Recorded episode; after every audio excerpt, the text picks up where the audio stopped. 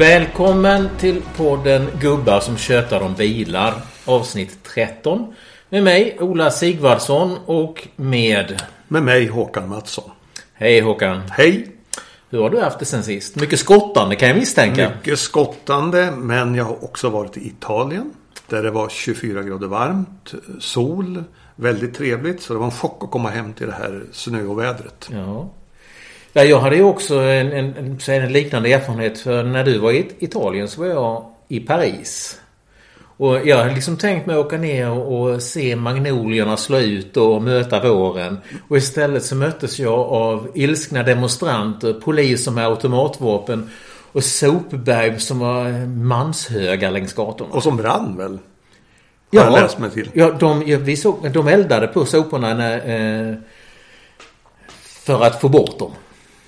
Det finns ju debattörer i Sverige som tycker att vi borde bli mer som, som fransmännen. Att vi borde protestera mer eh, tuffare och sådär. Men det här verkar ju ha gått från en, en sorts demonstration, protest till, till kravaller.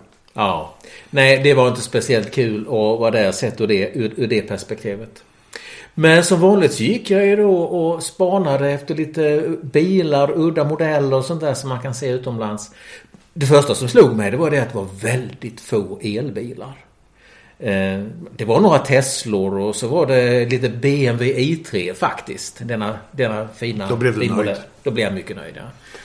Men egentligen det enda som stack ut annars det var väl det att jag såg en sån här Citroën DS9. Som är deras stora modell. Mm. Den heter ju inte Citroën dock. Nej, den heter DS är ju... Ja, de, de är avknoppade. Ja. Eh, jag har aldrig sett den mm. i verkligheten. Eh, jag har ju väldigt svårt att förstå varumärket DS faktiskt från första stund. Eh, de gör ju inte bilar som sticker ut som den första DSen som var som någon skrev då när den hade premiär i Paris som en månlandning. Du menar 50-talaren? Ja. De här bilarna är ju rätt slätstrukna tycker jag. Nästan alla jag har sett. Just den här tyckte jag var elegant i formerna. Det var, det var en mm. tjusig pjäs. Det är en sedan sätt. ju. En stor... En, en, stor, en stor sedan. Äntligen har Macron en, en stor tjänstelimousin att ta till. Men jag menar, om man tittar på historien av de stora Citroënerna, om man nu får jämföra mm. med Citroën. Mm. Så från DS till CX mm. som var jättefin. Mm. XM som jag har rullat runt i Europa med. Och för att inte komma fram till C6. Det är en favorit faktiskt. Jag tycker det är så otroligt frän design. Ja. Utanpå. Inuti är den faktiskt ganska trist tyvärr. Men den här designen, de här bakljusen och det där taklinjen är en fantastisk bil. Jag var länge sugen på att köpa en sån men jag har förstått att kvaliteten inte var på topp. Det var mycket elfel, mycket krångel med de där bilarna. Så att det blev aldrig någon affär. Jag mm. till och med tittade på nätet. Det fanns någon i Belgien hittade jag en. som var bra pris på. Men visst får man ett sug. Alltså jag, jag känner, skulle säga ett, ett starkare sug efter en gammal C6 än den här nya som jag såg nu. Mm. DS9. Absolut, absolut. Men du, vad var du med om i, Italien då? Ja, det var ju en resa med mina två vuxna söner. Eh, som vi gör en årlig resa till någonstans. Och i det här fallet hade vi bestämt oss att åka till Ferrariland. Så vi var till Maranello. Förstås. Som är Ferraris hemvist på planeten. Eh, och Ferrari är ju för mig något av ett favoritmärke. Det finns så många berättelser, myter, draman, racingframgångar massa människor, inte minst modeller att stumna inför. Eh, jag har ju en särskild favorit, den här 250 GTO från 1962. Det är jag verkligen inte ensam om att, ha som favorit. Men i mina ögon är det kanske den allra vackraste bilen som har tillverkats någonsin. Det är bara 36 gjorda. Så priserna därefter. Och jag slängde ut mig där nere att ja, den här kostar väl upp mot en halv miljard nu. Då sa han bara, du hänger inte med du. David McNeil från Chicago som äger tillbehörsfirman WeatherTech. Han köpte en sån här nyligen eh, av 63 års modell för 70 miljoner dollar. Alltså runt 730 miljoner kronor. Ja, då ska Men, man ha en reservdelsfirma för att det ska ja, vara möjligt. Vi besökte eh, museer både Ferrari-museet i Maranello och Enzo Ferrari-museet i Modena. Där jag faktiskt inte hade varit. Eh, fina upplevelser. Jag tyckte faktiskt det här Modena-museet, det är att rekommendera. De hade gjort ett val. De hade ställt ut epokgörande modeller och då blir det inte som ett hav med bilar utan varje liksom modell hade en story. Så de, de nyaste som stod där var FF och Porosangue då. Som är, som är ju väldigt speciella modeller. Sen tog jag i Maranello en fika med Ferraris designchef Flavio Manzoni som jag känner Nämen. lite. Nämen. Ja, en eftermiddagsfika där på Essenza Café. Det var, det var snygg namedropping. Och vi satt och diskuterade där fram och tillbaka. Jag sa det att jag tyckte de senaste två modellerna, eh, 296 och Roma, är bättre än de tidigare därför att de är så rena i designen. Jag tycker en del är oroliga utav de här. Även om jag tycker de är bra eh, på senare år. Det finns ju förfärande exempel före hans tid som 612 Scaletti och sånt där som är hemskt ful bil. Men just den här renheten i karossen gillar jag. Och han lovade mig att det kommer nu fler rena karosser i framtiden. Men så diskuterar vi också elbilar, för de kommer ju med en elbil. Och jag frågade, måste en elbil ha en särskild design som sticker ut? Ungefär som att Nissan gjorde Leaf som inte liknar någonting annat. Eller som då Toyota med Mirai, vätgasbilen. Som ju var extrem i formerna. Och han tyckte, nej, jo, den måste nog vara så att, att den här elbilen ska vara speciell. Han vägrar berätta vad det var för typ av bil. Eh, Jag gav honom några tips där. I all välmening. I all välmening så tycker jag att de- ska välja en fyrdörrars, eh, en sorts Puro Sangue-lösning på elbilen. Så den inte stör de här renodlade eh, sportbilarna. För V12-motorn kommer att finnas kvar. Förbränningsmotorn kommer att finnas kvar. Det är ju hjärtat hos Ferrari den här motorn. Enzo Ferrari han hörde en gång en, en Packard V12. Och sa att ja, efter det så blev jag gift med V12 och jag har aldrig skilt mig sedan dess. Oh. Men det intressanta är ju, vi har ju då ett bubblande, vi har ju ett samhälle där utanför som vill förbjuda förbränningsmotorer och så vidare. Men Ferrari, Det- de tänker investera i V12-motorer så länge de, de kan, så länge de har chansen. Och de tänker inte kombinera dem med, med elmotorer som då Lamborghini gör i den nyligen eh, lanserade Revuelto. Som ju är en laddhybrid med tre elmotorer. Eh, utan de kommer att köra sitt förbränningsmotorrace. Och det är ju mot den bakgrunden man ska se den här ja, dramat kan man väl säga som uppstod i EU. Där plötsligt Tyskland och Italien, uppbackade av Italien, hoppade av en, eh, den uppgörelse man hade att, att förbjuda förbränningsmotorer från 2035. Ja, menar, Eller fossilbilar rättare sagt. Ja, fossilbilar. Och menar, det var ju en överenskommelse som, som man eh, återknöt till så sent som i februari. Då var alla överens. Ja, Och sen plötsligt i mars då så Ja, det var inte bara Polen och eh, Tyskland och Italien och Bulgarien. Ja, Alla det- de fyra. ja, det krävs ju fyra länder för att stoppa Ja, ett sånt här. 35 procent av EUs befolkning Exakt. måste stå bakom ett sånt stoppbeslut. Och fyra länder. Ja.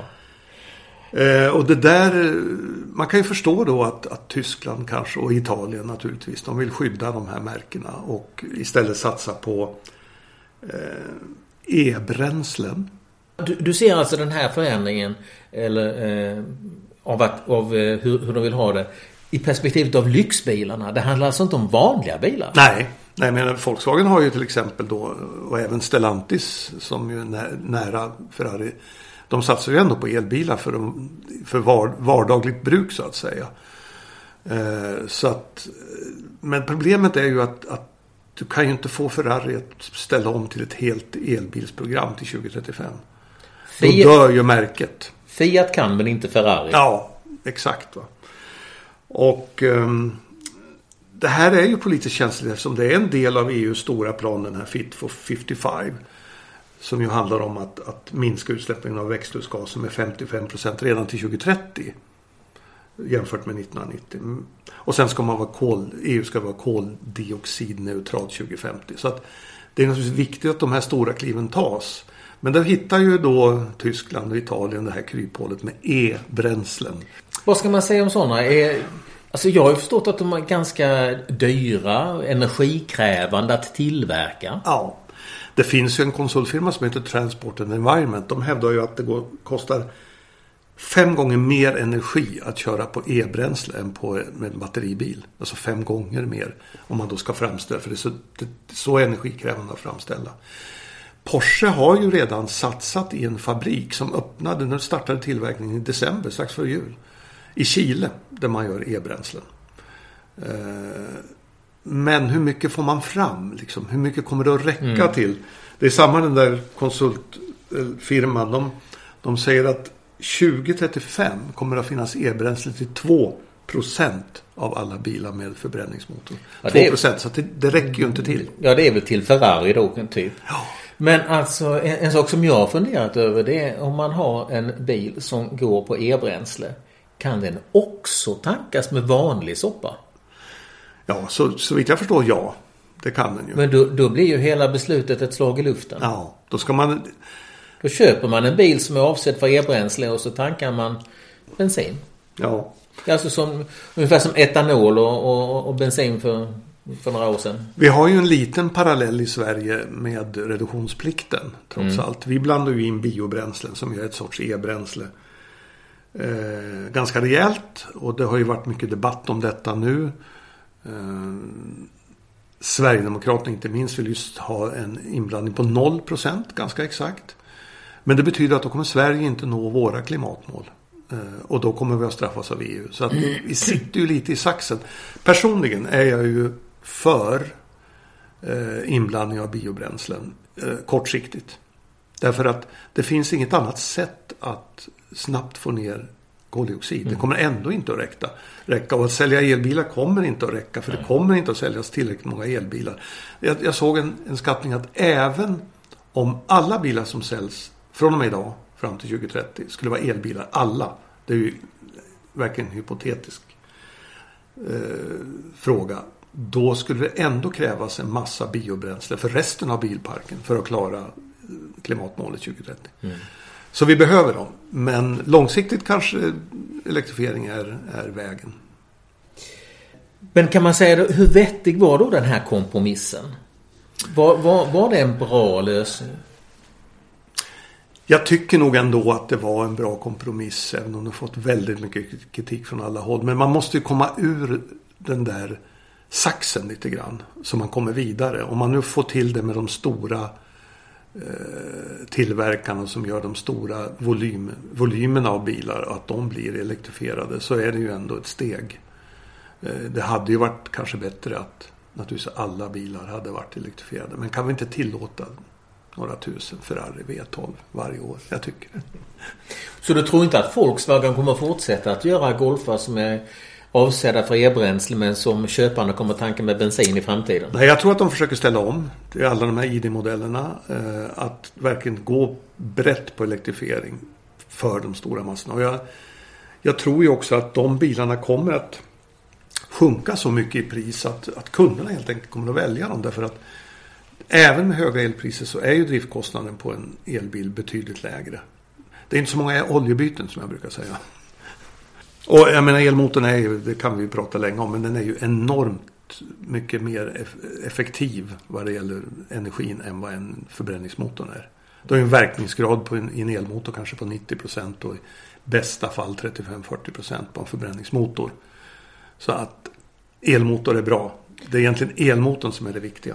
Och som vi har konstaterat tidigare i podden, det gör ju också det att det blir mycket enklare att bygga bilar. Ja,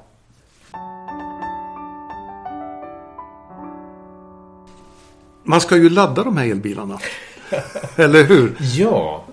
Det var, det var en sån där övergång som lite... Ja, det var elegant. uh, ja, nej men jag köpte ju en BMW i3 här i höstas som jag är glatt uh, nöjd med.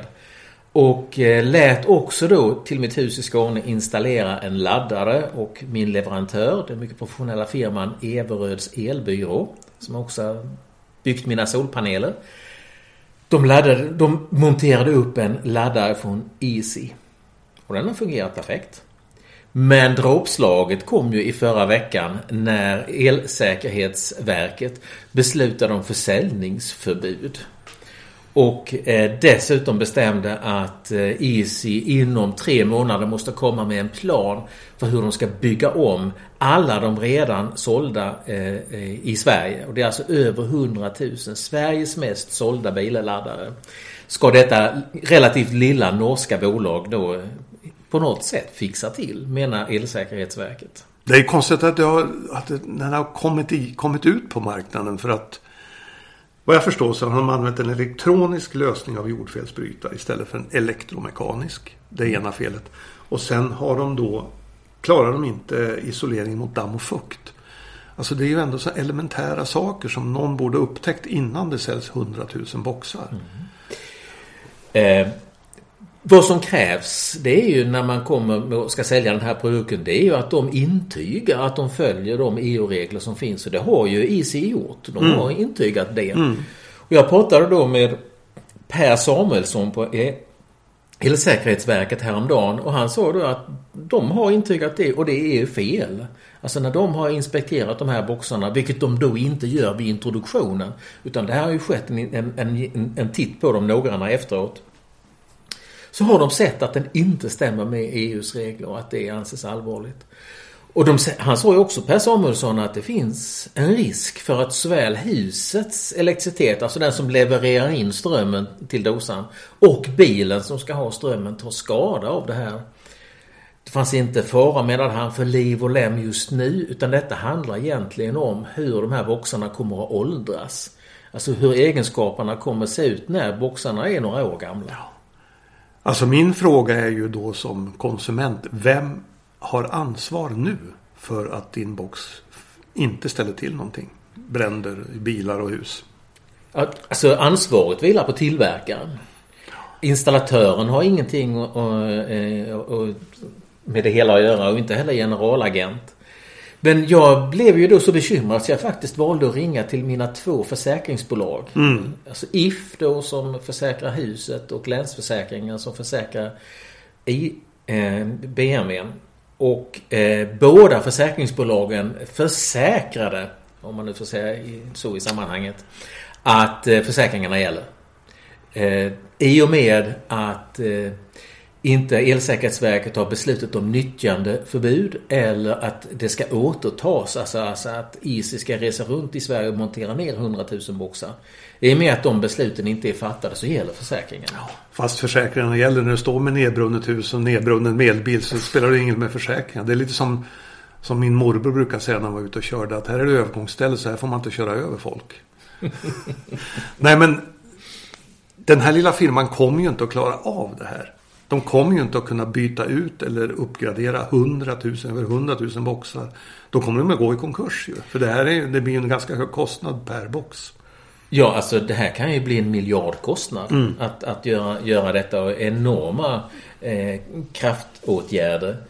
Eh, så att Ja, det första som IC gjorde i Norge när, den här, när det här förbudet kom det var ju att man sa upp 100 anställda.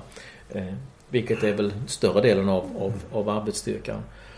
Och sedan så har de eh, sagt att de ska försöka få en nyemission på 500 miljoner. Men det räcker ju förmodligen inte för att reda upp den här röran. Alternativet som ju också kan diskuteras det är om de har ett försäkringsbolag som kan gå in och, och stå för, för kostnaderna. Men vilket försäkringsbolag tar kostnaderna för ett företag som har lurats? Med, med sina intyg om vad, vad, Nej. vad de gör. Alltså jag hade ju problem med min box också. Det är lite grann kliva in i den nya världen det här med elbilar. Ja. Alltså problem man aldrig trodde skulle finnas. Min eh, box som kommer från Defa. Den utlöste jordfelsbrytaren efter nästan varje laddning. Och det höll på att driva mig till attacker. För att då måste jag eh, in i boxen, montera bort fast, alltså, fasaden på den och det sker alltid halv elva på kvällen när det ösregnar. Så jag var rätt irriterad. Jag pratade med Defa flera gånger. Då sa de till slut. Ja, det är inte så att du har två jordfelsbrytare i rad? Så, nej, så det kan jag inte tänka mig. Så tog jag kontakt med installatören. Och han sa nej, det tror jag inte. Så tog jag en bild inifrån proppskåpet, skickade till honom och sa. Ja men titta, sa där sitter du en personskyddsautomat. Det är ju en sorts jordfelsbrytare. Har jag alltså, alltså? Nej, inte jag heller. Så alltså har du två jordfelsbrytare i rad där. Ja, vems är ansvaret nu då? Är det DEFA som inte har sagt till installatören att det inte får ske? Är det han som har gjort fel? Det slutade med att jag tog min lokala elfirma. Eftersom de behöver ju inte, i alla fall inte åka då. Eh, och han tog bort den där personskyddsautomaten för tusen spänn. Och det betalade jag själv. Men frågan är, vem hade ansvar för det där egentligen? Jag tycker det är en röra. Egentligen är det både DEFA och installatören. De två som kom undan här, det är de som har ansvaret tycker jag. Mm. Så är det ju ofta. När det gäller det här så har ju då Easy eh, de har ju sökt så kallad inhibition hos förvaltningsrätten. Mm. Det vill säga att försäljningsförbudet inte ska gälla. Och det har ju förvaltningsrätten redan sagt nej till. Så försäljningsförbudet gäller. Mm. Eh, som jag ser det så är Isis enda möjlighet det är att de faktiskt lyckas övertyga myndigheterna om att eh, deras lösning uppfyller de krav som gäller mm. inom EU. Annars kommer ju det gå åt peppan. Och går det åt peppan så ska jag vilja säga då kanske över 100 000 eh, boxägare runt om i Sverige står inför alternativet att faktiskt köpa en annan box. För lika mycket pengar till. Ja, ganska fantastiskt. Men det är som sagt, vi kliver in i en ny värld. Och eh, här finns, vi, ska, vi kanske inte ska kalla dem lycksökare, men de har ju i alla fall lurats med, med kvaliteten och vad, de, vad den här skulle innehålla för teknik. Ju. Ja. Eftersom den inte uppfyller krav på till exempel då fukt och ja. isolering, damm. Alltså oavsett om det är avsiktligt eller oavsiktligt så ställer det ju till problem mm. för alla oss som har valt att skaffa deras pryl. Ja, men det var ju så, som du sa också här, här förleden eh, om din Kia när den stannade i rondellen i Åkersberga. Cirkulationsplatsen. Förlåt, förlåt. när den stannade i cirkulationsplatsen att det kanske är sånt som man får köpa. Att det här är trots allt inte färdigutvecklad eh, teknik. Nej, vi får komma ihåg alltså förbrännings och ottomotorn har funnits i hundra år och bilarna har sett egentligen likadana ut i hundra år. Och när de äntligen börjar fungera bra så får vi inte köra dem längre. Nej.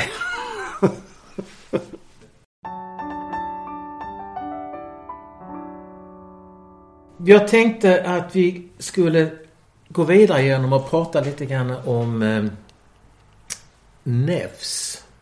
Och var eh, fabriken i Trollhättan är ju gamla Saab-fabriken och det är ju ett, ett favoritämne som vi kommer att återkomma till.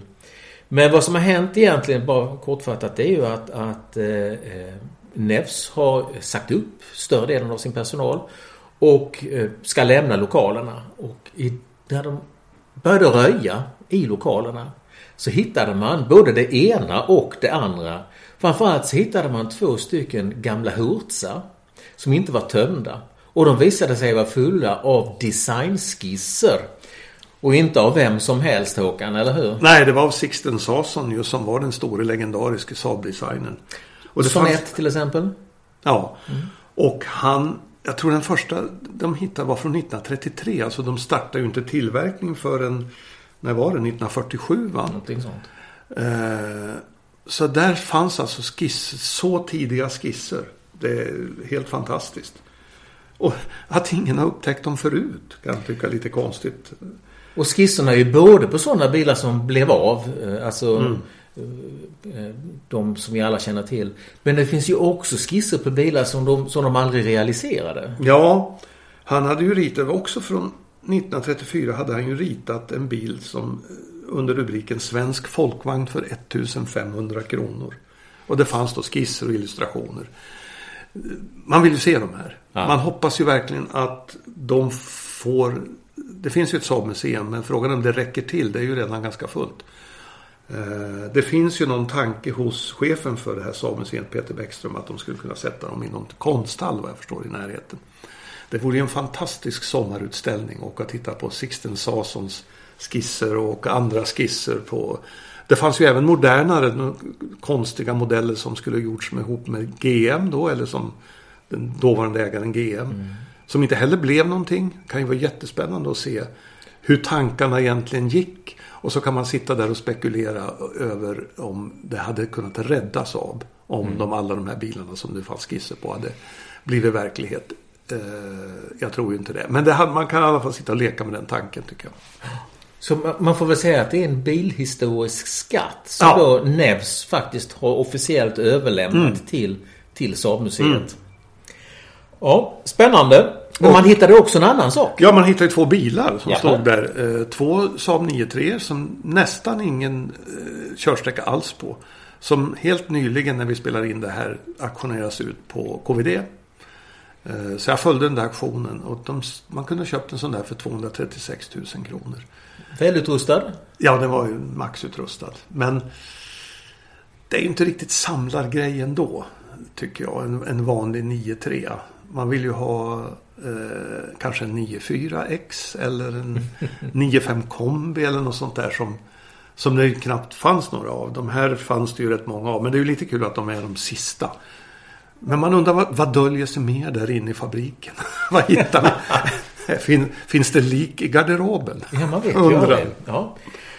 ja, nej men det var väl eh, en eh, bra knorr på den, på den här podden. Ja, vi ska väl bara säga det också att idag på Nevs, där det var länge 700 anställda som inte gjorde tillverkade några bilar i alla fall. Idag är det nu åtta personer i produktionen och 15 tjänstemän kvar enligt den nytillsatta vdn Nina Selander. Så så slutade den här drömmen om biltillverkning i Trollhättan. Dystert. Mycket dystert. Men man kan ju fråga sig vad de där 23-24 personerna egentligen sysslar med nu när allting egentligen är över. Ja, uppenbarligen så städar de ju hutschar. Ja, leta upp gamla bilar. Ja, Håkan. Eh, därmed så kanske vi ska avrunda. Jag tycker det. Ja. Är det någon som vill ta kontakt med oss med tips eller idéer så är ni välkomna att höra av er på vår mail bilchat.gmail.com Men annars säger vi väl bara tack för idag Håkan. Tack själv.